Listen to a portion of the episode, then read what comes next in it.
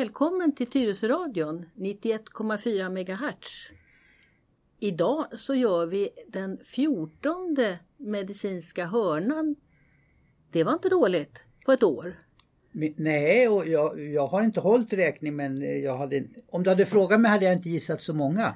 Vi kan snart kalla oss eh, inte nationalencyklopedin, men Tyresös medicinska encyklopedi. Ja, alltså vi kommer ju inte så långt när vi jämför oss med Åke Sandins 1400 tuffkrönikor. Men vi är ju ändå en, en, tion, nej, en hundradel är vi på väg. Ja, ja. allt, Rom byggdes inte på en dag. Nej. Och vi har ju avverkat då, vi ska jag förstås säga också, det är ju jag då, Lena Hjelmerus och så Leif Bratt som representerar alla de här konstiga frågorna och eh, Nej, nej, nej. Folkets röst. När, när du krånglar till det med ditt yrkesspråkbruk. Då måste vi ha någon som talar ordentlig svenska så man begriper vad det handlar om. Japp. Ja. Och då, på det här året så har vi nu avverkat då det normala åldrandet och så har vi pratat lite grann om viktiga organ i kroppen som hjärtat och njurar och sådär. Och så Sen nyår har vi gett oss i kast med folksjukdomarna.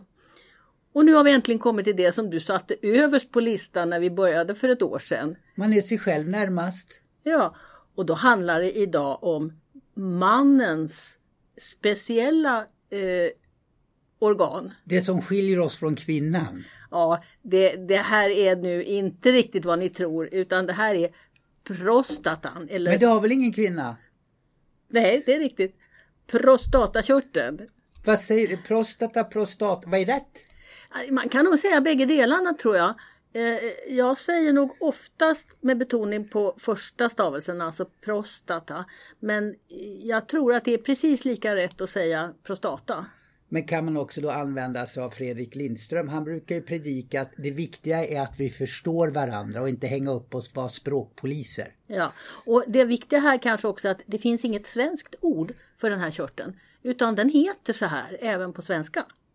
Ja, ja. vi är lite eh, internationella. Ja, det, det, är väl så här att det är en körtel som man kanske inte pratar så mycket om. Det är inte precis det vanligaste samtalsämnet vid middagsbordet. Nej men det rör väl, förlåt nu mitt språkbruk då, då. Allt som rör området mellan knä och, och navel på bägge könen eh, är väl någonting man håller lite privat. Ja, och det här, handlar, det här programmet kommer ju att handla om att pinka, kissa på sig, att inte kunna pinka, att skvätta på golvet och sådär. Så att eh, det är väl i högsta grad privat. Ja. Men det är vanligt, vanligt med bekymmer. Vet du hur vanligt det är? Nej, alltså, eh, nej, det har jag ingen aning om hur vanligt det är. Jag kan ju bara gå till mig själv och jag, jag, är inte riktigt som i mina ungdomsdagar kan man säga. Jag brukar skoja, eller ja, det är fler i min omgivning som skojar om det här när jag blivit äldre. Att förr kunde man skriva sin autograf i snön eh, i gul skrift. Nu, nu, kan man knappt sätta en punkt. Det, ja, det är vad som återstår av den autografen. En liten punkt, eller två punkter, tre ja. punkter. Och, och sikta är kanske inte heller så alldeles lätt längre. Ja, det beror på hur tjock man är, du är ganska smal. Ja, sikta, det har de ju kommit på när man är på offentliga inrättningar så har de ju satt, målat i, i nu, nu är jag man så jag är inte inne på damernas. Eh, nämligen alltså i den här urinoaren när den är som en skål. Då har de ju satt dit en liten fluga eller något annat som man ska då, ja, som man inte kissar bredvid. Ett, sikt, ett rik, riktmärke. Ja. ja. Mm. Nej men det här är alltså då vanliga bekymmer. Och man brukar säga att eh, Eh, upp till sådär en 40-50 år då, är det, då går det ganska bra. Då är det rätt så få som har bekymmer. Men när man har fyllt 50 då, då är, då är det faktiskt varannan. Och har man fyllt 70, då är det tre av fyra.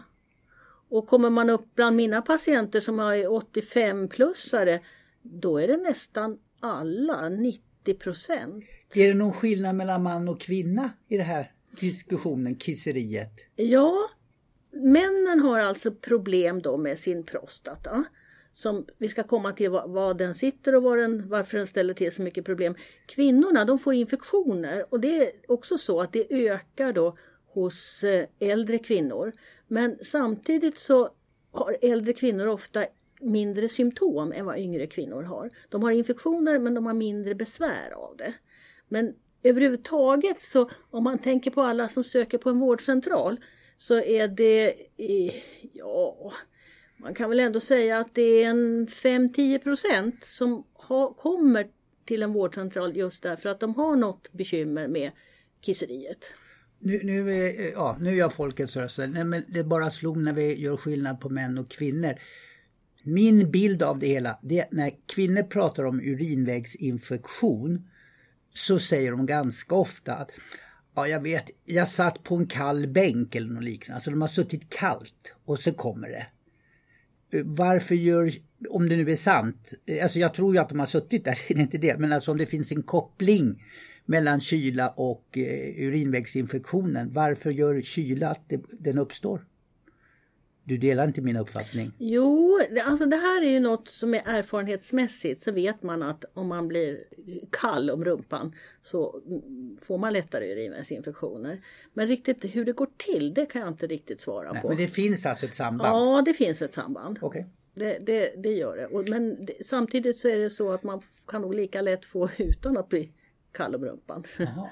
Och man kan vara kall om rumpan utan att få infektion också. Så att det, det är inte något sådär rätlinjigt samband. Men de som har lätt att få infektioner ska vara försiktiga med att sitta där det är kallt. Mm. Mm. Men då lämnar vi kvinnorna tror jag åt sitt öde och så ägnar vi oss åt det andra könet då. Ja. Eller det, det första. Jo, ja just det, det var, jo men det finns ju en bok som heter Det andra könet och, ja. och nu fick vi män bli kallade det andra det könet. könet. Det är rättvist. Ja, det är rättvist. Ja. Vet du var din prostata finns någonstans?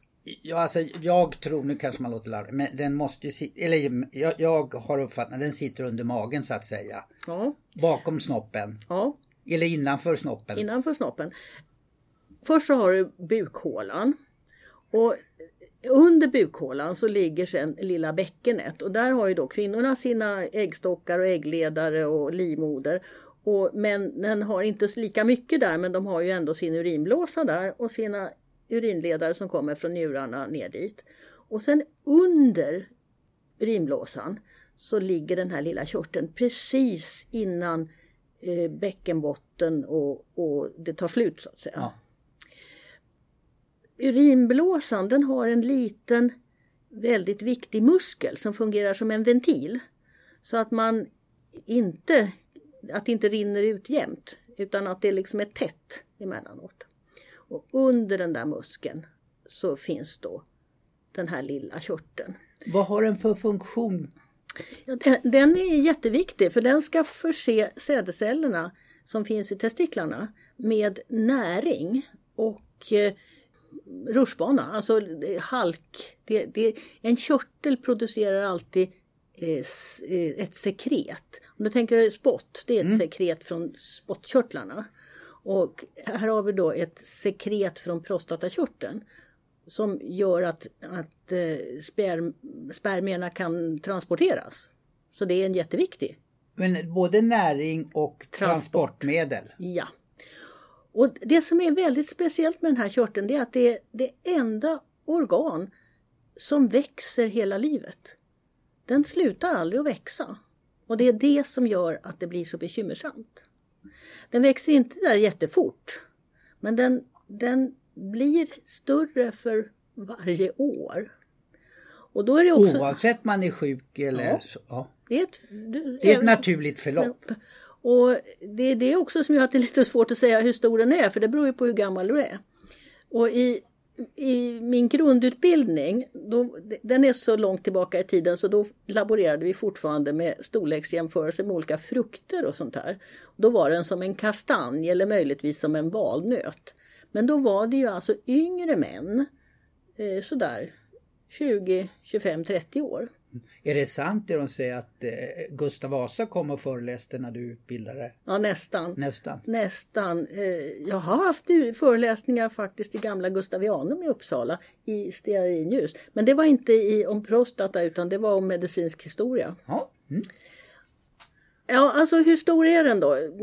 Den är nog lite större än en, än en valnöt och en kastanj när man har kommit upp i, i medelålder. Och Jag vet ju exakt hur stor den är i mina fingrar för att den här körteln kan man inte se. Utan doktorn kan känna hur stor den är. Och efter tusen sådana körtlar så vet man hur stor den är. Men eh, jag kan inte säga i centimeter hur stor den är. Jag har ju tidigare program berättat om min egen erfarenhet och hur man då kände efter. Och det finns ju liksom bara en väg att, gå in och känna. Och då sa eh, den här läkaren att kände efter och sa med sin erfarenhet att ja, jag, man, vi kanske kommer till det, eller jag gissar du kommer till de här värdena, no, alltså vad som är normalt och vad man mm. inte bör överstiga och så vidare. Eh, och, och, eh, då sa hon att ja, du har definitivt mindre än två i det här PSA som man pratar mm. om. Och vi kanske, just bara för att känna efter. Hon, mm. hon kunde känna med fingrarna ja. ungefär vad det förväntade PSA-värdet skulle bli. Ja, det, som du säger, det, det, är en körtel man bara kan känna och det är tur att man kan känna den. För att annars skulle vi inte kunna undersöka den alls i och med att den sitter ju så väldigt skyddat.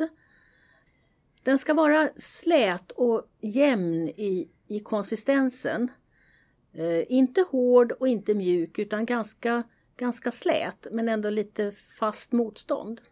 Och så finns det, om du tänker som ett pepparkakshjärta, så finns det två, det vi kallar för lober, två delar. Och så finns det en söm emellan om, om du tänker att du har en mittlinje i det här pepparkakshjärtat. Och den där sömmen den kan man känna väldigt tydligt. Är den förstorad så att den har liksom vuxit, då, då försvinner den där sömmen. Den här mittfåran. Jag utgår ju då från mina egna fingrar. Så jag vet ju precis om den är förstorad för då når inte jag den övre kanten. Så länge jag kommer runt körteln med mitt finger så vet jag att den är normalstor. Och så kan jag bedöma själva konsistensen. Men det är som sagt något jag bara gör med känseln. Inte, jag kan inte se den. Men kan man säga, finns det då ett, vi pratade ju samband tidigare, men finns det ett samband mellan storlek och PSA-värdet? Ja, det gör det. Och eh, PSA är ett blodprov på ett ämne som bildas i prostata. Och då vet man att när prostata börjar växa, då ökar det här värdet. Sen är det ett eh, ganska ospecifikt prov när det gäller att tala om varför prostatan har börjat att växa. Man kan alltså inte på låga värden kan man nog säga att det bara är godartat det här med att man har åldrats. Men kommer man upp i ett mellanskikt på värdena då är det svårt att säga om det är något sjukt i prostata eller inte. Och de väldigt höga värdena, när man bara kommer upp på tusen. Vadå tusen? Ja, ja. Då är det alltid en, en cancersjukdom, men då kanske det till och med en spridd cancersjukdom där man har, har prostatavävnad lite här och där i kroppen. Men då får jag bara två mm. frågor. För, för, att jag har hängt med i, i bekantskapskretsen människor som har pratat, alltså kanske 9-10, något enstaka fall har varit uppe i 50-60. Mm. Är det samma skala vi pratar om då? Ja, det är någon... samma skala. Oj. Och även på 50-60 så kanske det inte är någon någon cancer utan det kanske bara är en jättestor vanlig godartad förstoring av prostatan. Därför att man har blivit då 85 år. Men du, då är vi överens om så här att eh, eh du sa ungefär ja, män i sina bästa år. ja. Eh, nej men alltså att eh, mellan hälften säger vi tre fjärdedelar ja. sådär.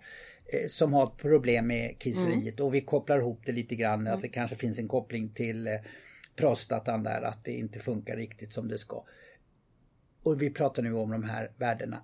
Om vi nu säger att ja, tre fjärdedelar när vi är uppe då i 60-65 års åldern har problem.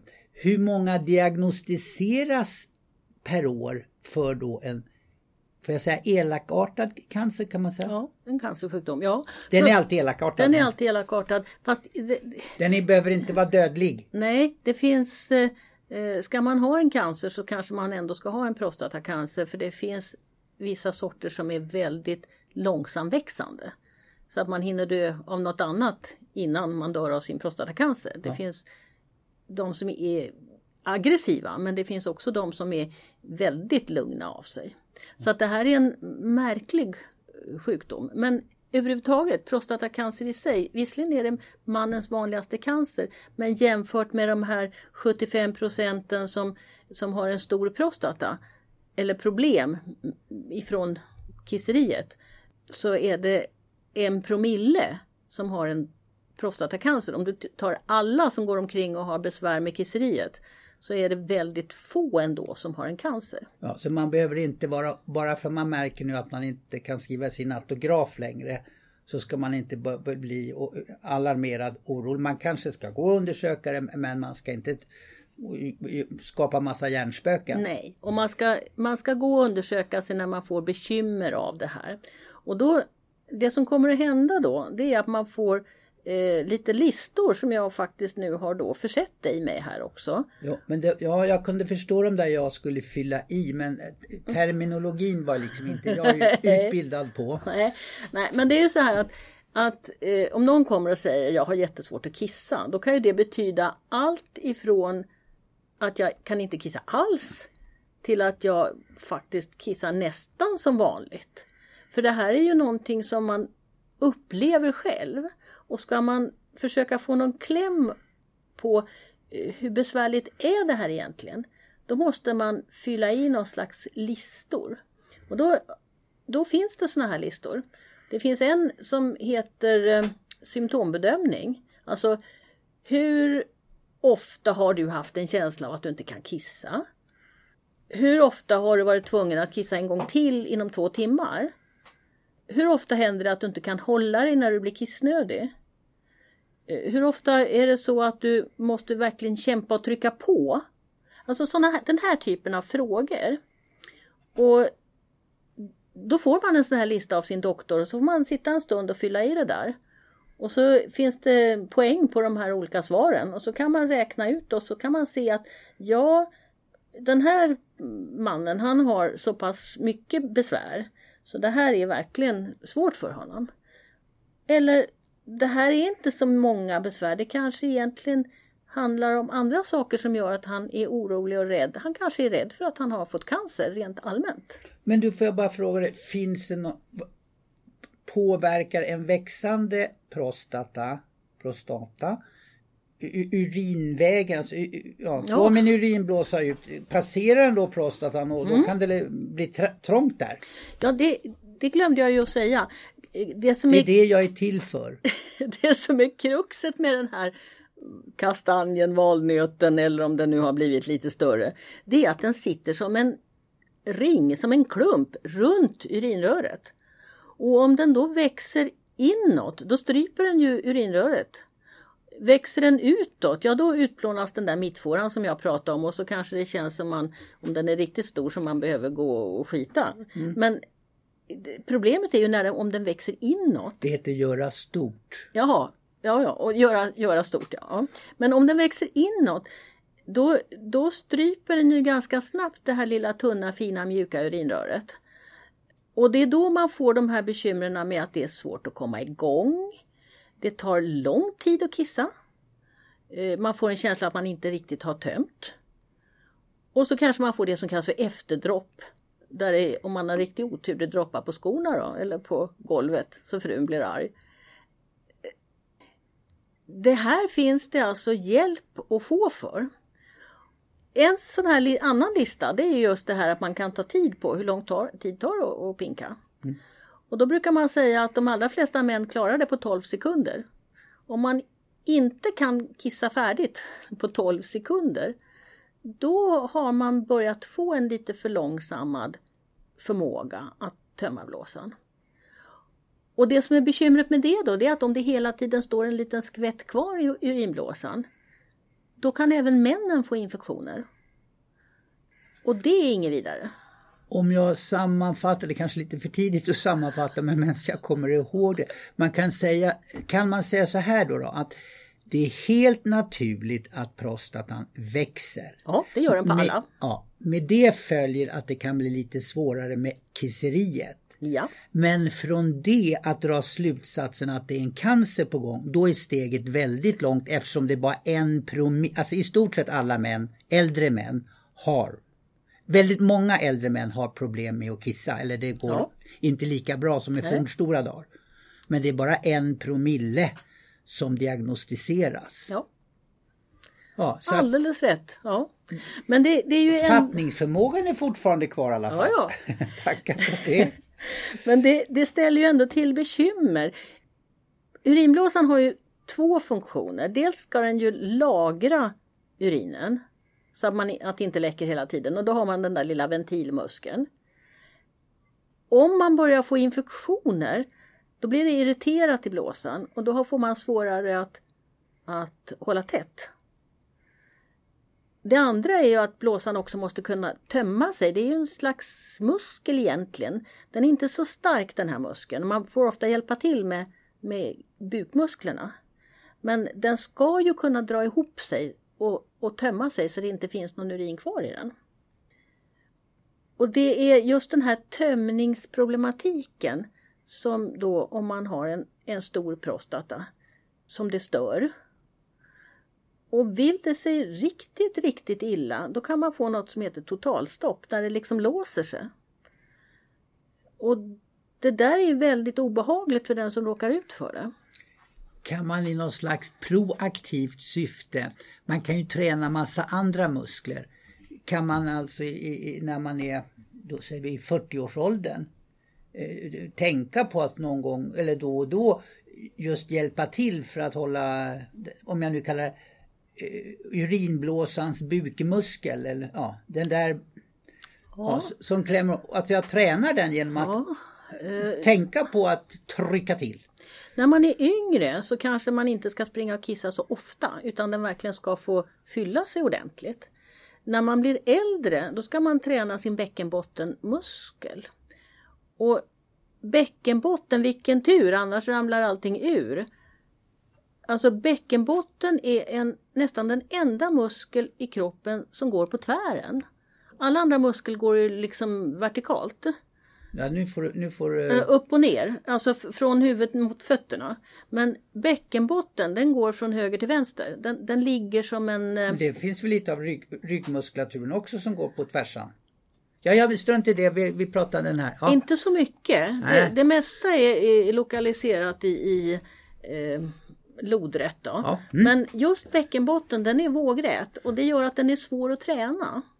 Det är ingenting som vi tränar liksom automatiskt utan det måste man tänka.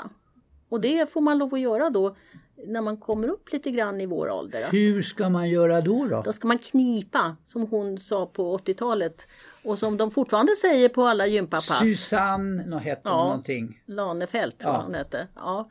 Men det ingår i nästan alla gympapass att man ska träna sin bäckenbotten. Och det är ingen skillnad för män och kvinnor, Nej. det är lika viktigt för bägge? Lika viktigt för bägge och för männen är det ju då viktigt för att de ska ha kunna hjälpa till om de får lite svårt att tömma urinblåsan så ska de ha viss muskulatur här som kan hjälpa till. Så bä bäckenbottenmuskeln hjälper till för att tömma blåsan också? Också, men framförallt för att, att hålla tätt.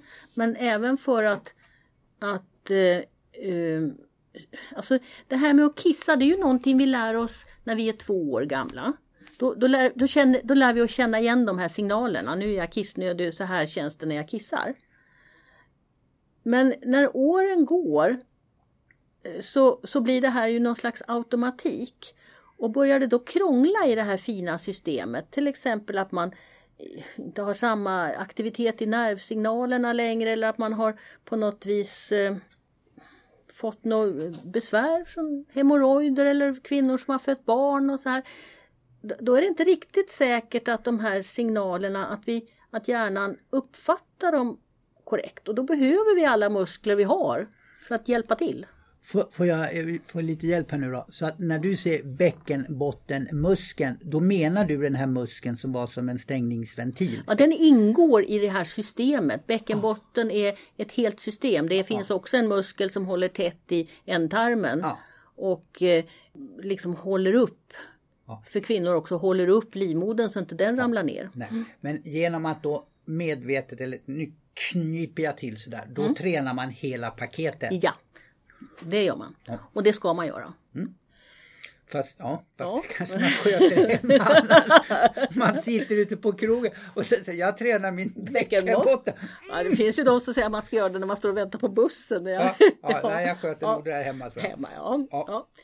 Men om man nu då är kar och har råkat ut för att prostatan har börjat växa så att den stryper urinröret. Då gäller det ju att man får lite hjälp med det här. Och nu är det så fiffigt att vi har fått tabletter de sista 15 åren som kan göra att prostatan krymper. Krympningstabletter. Jättebra! Då kanske vi ska jämföra prostatan med ett russin istället snart? Ja, riktigt så liten blir den nog inte, men den blir tillräckligt liten för att man ska slippa att ha en slang, alltså en kateter. Biverkningar? På de här tabletterna, väldigt lite. Den ena sorten, den tar lite längre tid på sig att verka. Det, det, där får man ha lite tålamod innan den börjar verka. Och då kanske man under en period kan, måste ha slang i väntan på att tabletterna ska krympt körteln tillräckligt. Eh, den andra sorten den verkar lite snabbare eh, men kan ge då lite granna eh, Eh, blodtrycksfall och lite granna nästäppa och lite sådana biverkningar och där är ju väldigt individuellt. Men rent generellt så tål de flesta män bägge typerna av mediciner. Och eh, men då kan man väl ta det, förlåt nu är jämförelsen kanske väldigt dum, men jag menar om man nu är medveten om att tre av fyra äldre män har den här problematiken mer eller mindre uttalad. Då borde det väl ungefär som ja,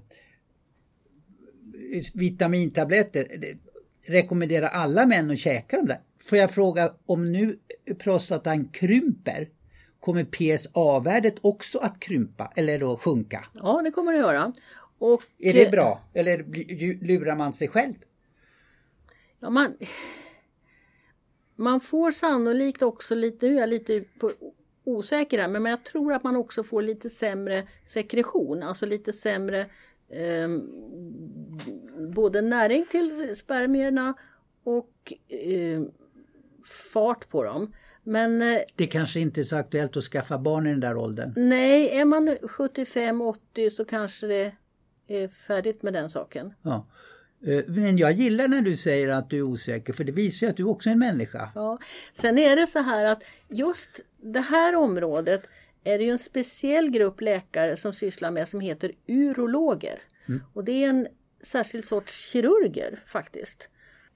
Och det beror ju på att innan de här tabletterna kom, när man bara hade en slang att ta till, då var ju operation det vanligaste sättet för den som hade fått en stor prostata som ställde till det. Idag opererar man väldigt lite. Ja, man gör en slags operation inifrån urinröret.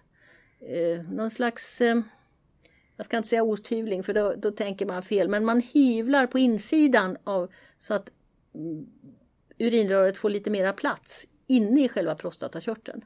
Och man kan också värma upp prostatakörteln inifrån så att den smälter lite grann så att det blir ett bättre passage för urinröret. Då. Eh, och det här är då de, de doktorerna som kallas för urologer och det brukar i allmänhet vara väldigt trevliga kirurger som sysslar med urologi för de har verkligen en känsla för både det här med att det är många patienter som tycker att det här är lite skämmigt och att det är svårt att prata om. Så att urologer det är kirurger som har en förmåga att prata med sina patienter. Ibland så måste man operera. Ibland så måste man ha en slang under en tillfällig period. Och det viktigaste är väl att, att våga gå till doktorn och prata om att man har de här bekymren och kanske fylla i en sån här lista över eh, hur lång tid det tar när man kissar eller något sånt. Ja, men alltså man, man kan väl säga att läkarvetenskapen går framåt. Vad, vad, vad, är problemen idag som man vill lösa? I, när det gäller nu eh, kisseriproblem? Eller har man kommit till... Eh... Ja, egentligen så vill man eh, ha så lite slangar som möjligt. Det, ja. det är målet. Och eh, inom geriatriken då så jag vet att på 70-talet så den en av de första geriatrikerna som doktorerade Han, han doktorerade på en kateterfri långvård och det ansågs vara nästan omöjligt att åstadkomma. Men idag har vi ju det. Det är väldigt lite slangar idag. Ja. Ja, har vi uttömt det här ämnet tror du? Ja, alltså, jag, både jag och nej vill väl få leva med det men eh, jag, jag, tycker de här siffrorna du gav det är väl kanske mänskligt att man pratar om de problem som finns och media hjälper ju till att skapa drama av allting, till och med prostataproblem. Vi kan väl i alla fall konstatera att vi har skickat ut budskapet att eh, man ska inte bli eh, panikslagen om eh, det där med kisseriet inte fungerar. Nej. Det finns dels bot för att förbättra situationen och det är väldigt få som har elakartade cancerformer. Ja, och man ska inte vara rädd för att låta doktorn känna på prostatan. Ja, jag har ju upplevt det. Och, ja, ja, det är inte trevligt. Men, men, ja, det gjorde ju inte ont, inte så. Det är ju mer att det är en privat del av kroppen. Ja, jag brukar säga att jag har smala fingrar och som sagt att det är bara med fingrarna man kan avgöra om den är frisk eller inte. Eh, eftersom man inte kan titta på den. Ja. Mm. Ja. Men då så kan vi säga att det fjortonde programmet är i hamn. Ja, och vi har eh, eh, tagit ett steg närmare världsrekordet. Ja. ja, vi hörs igen. Och tycker du att det här är spännande eller har synpunkter på programmet så får du gärna höra av dig till www.tyresoradion.se